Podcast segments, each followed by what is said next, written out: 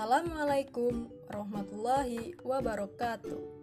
Selamat mendengarkan kembali podcast learning bersama Siti Guntira Abdu. Kali ini kita akan membahas tentang manfaat lari di pagi hari. Setelah podcast ini, kamu diharapkan dapat memahami manfaat lari di pagi hari. Ada banyak manfaat lari di pagi hari. Contohnya seperti membantu kesehatan jantung, serta menyehatkan sistem pernapasan. Apabila lari dilakukan secara rutin, jantung akan lebih kuat dan sehat. Di sisi lain, olahraga lari pagi juga bisa membantu meluruhkan endapan kolesterol yang mungkin menumpuk di pembuluh darah.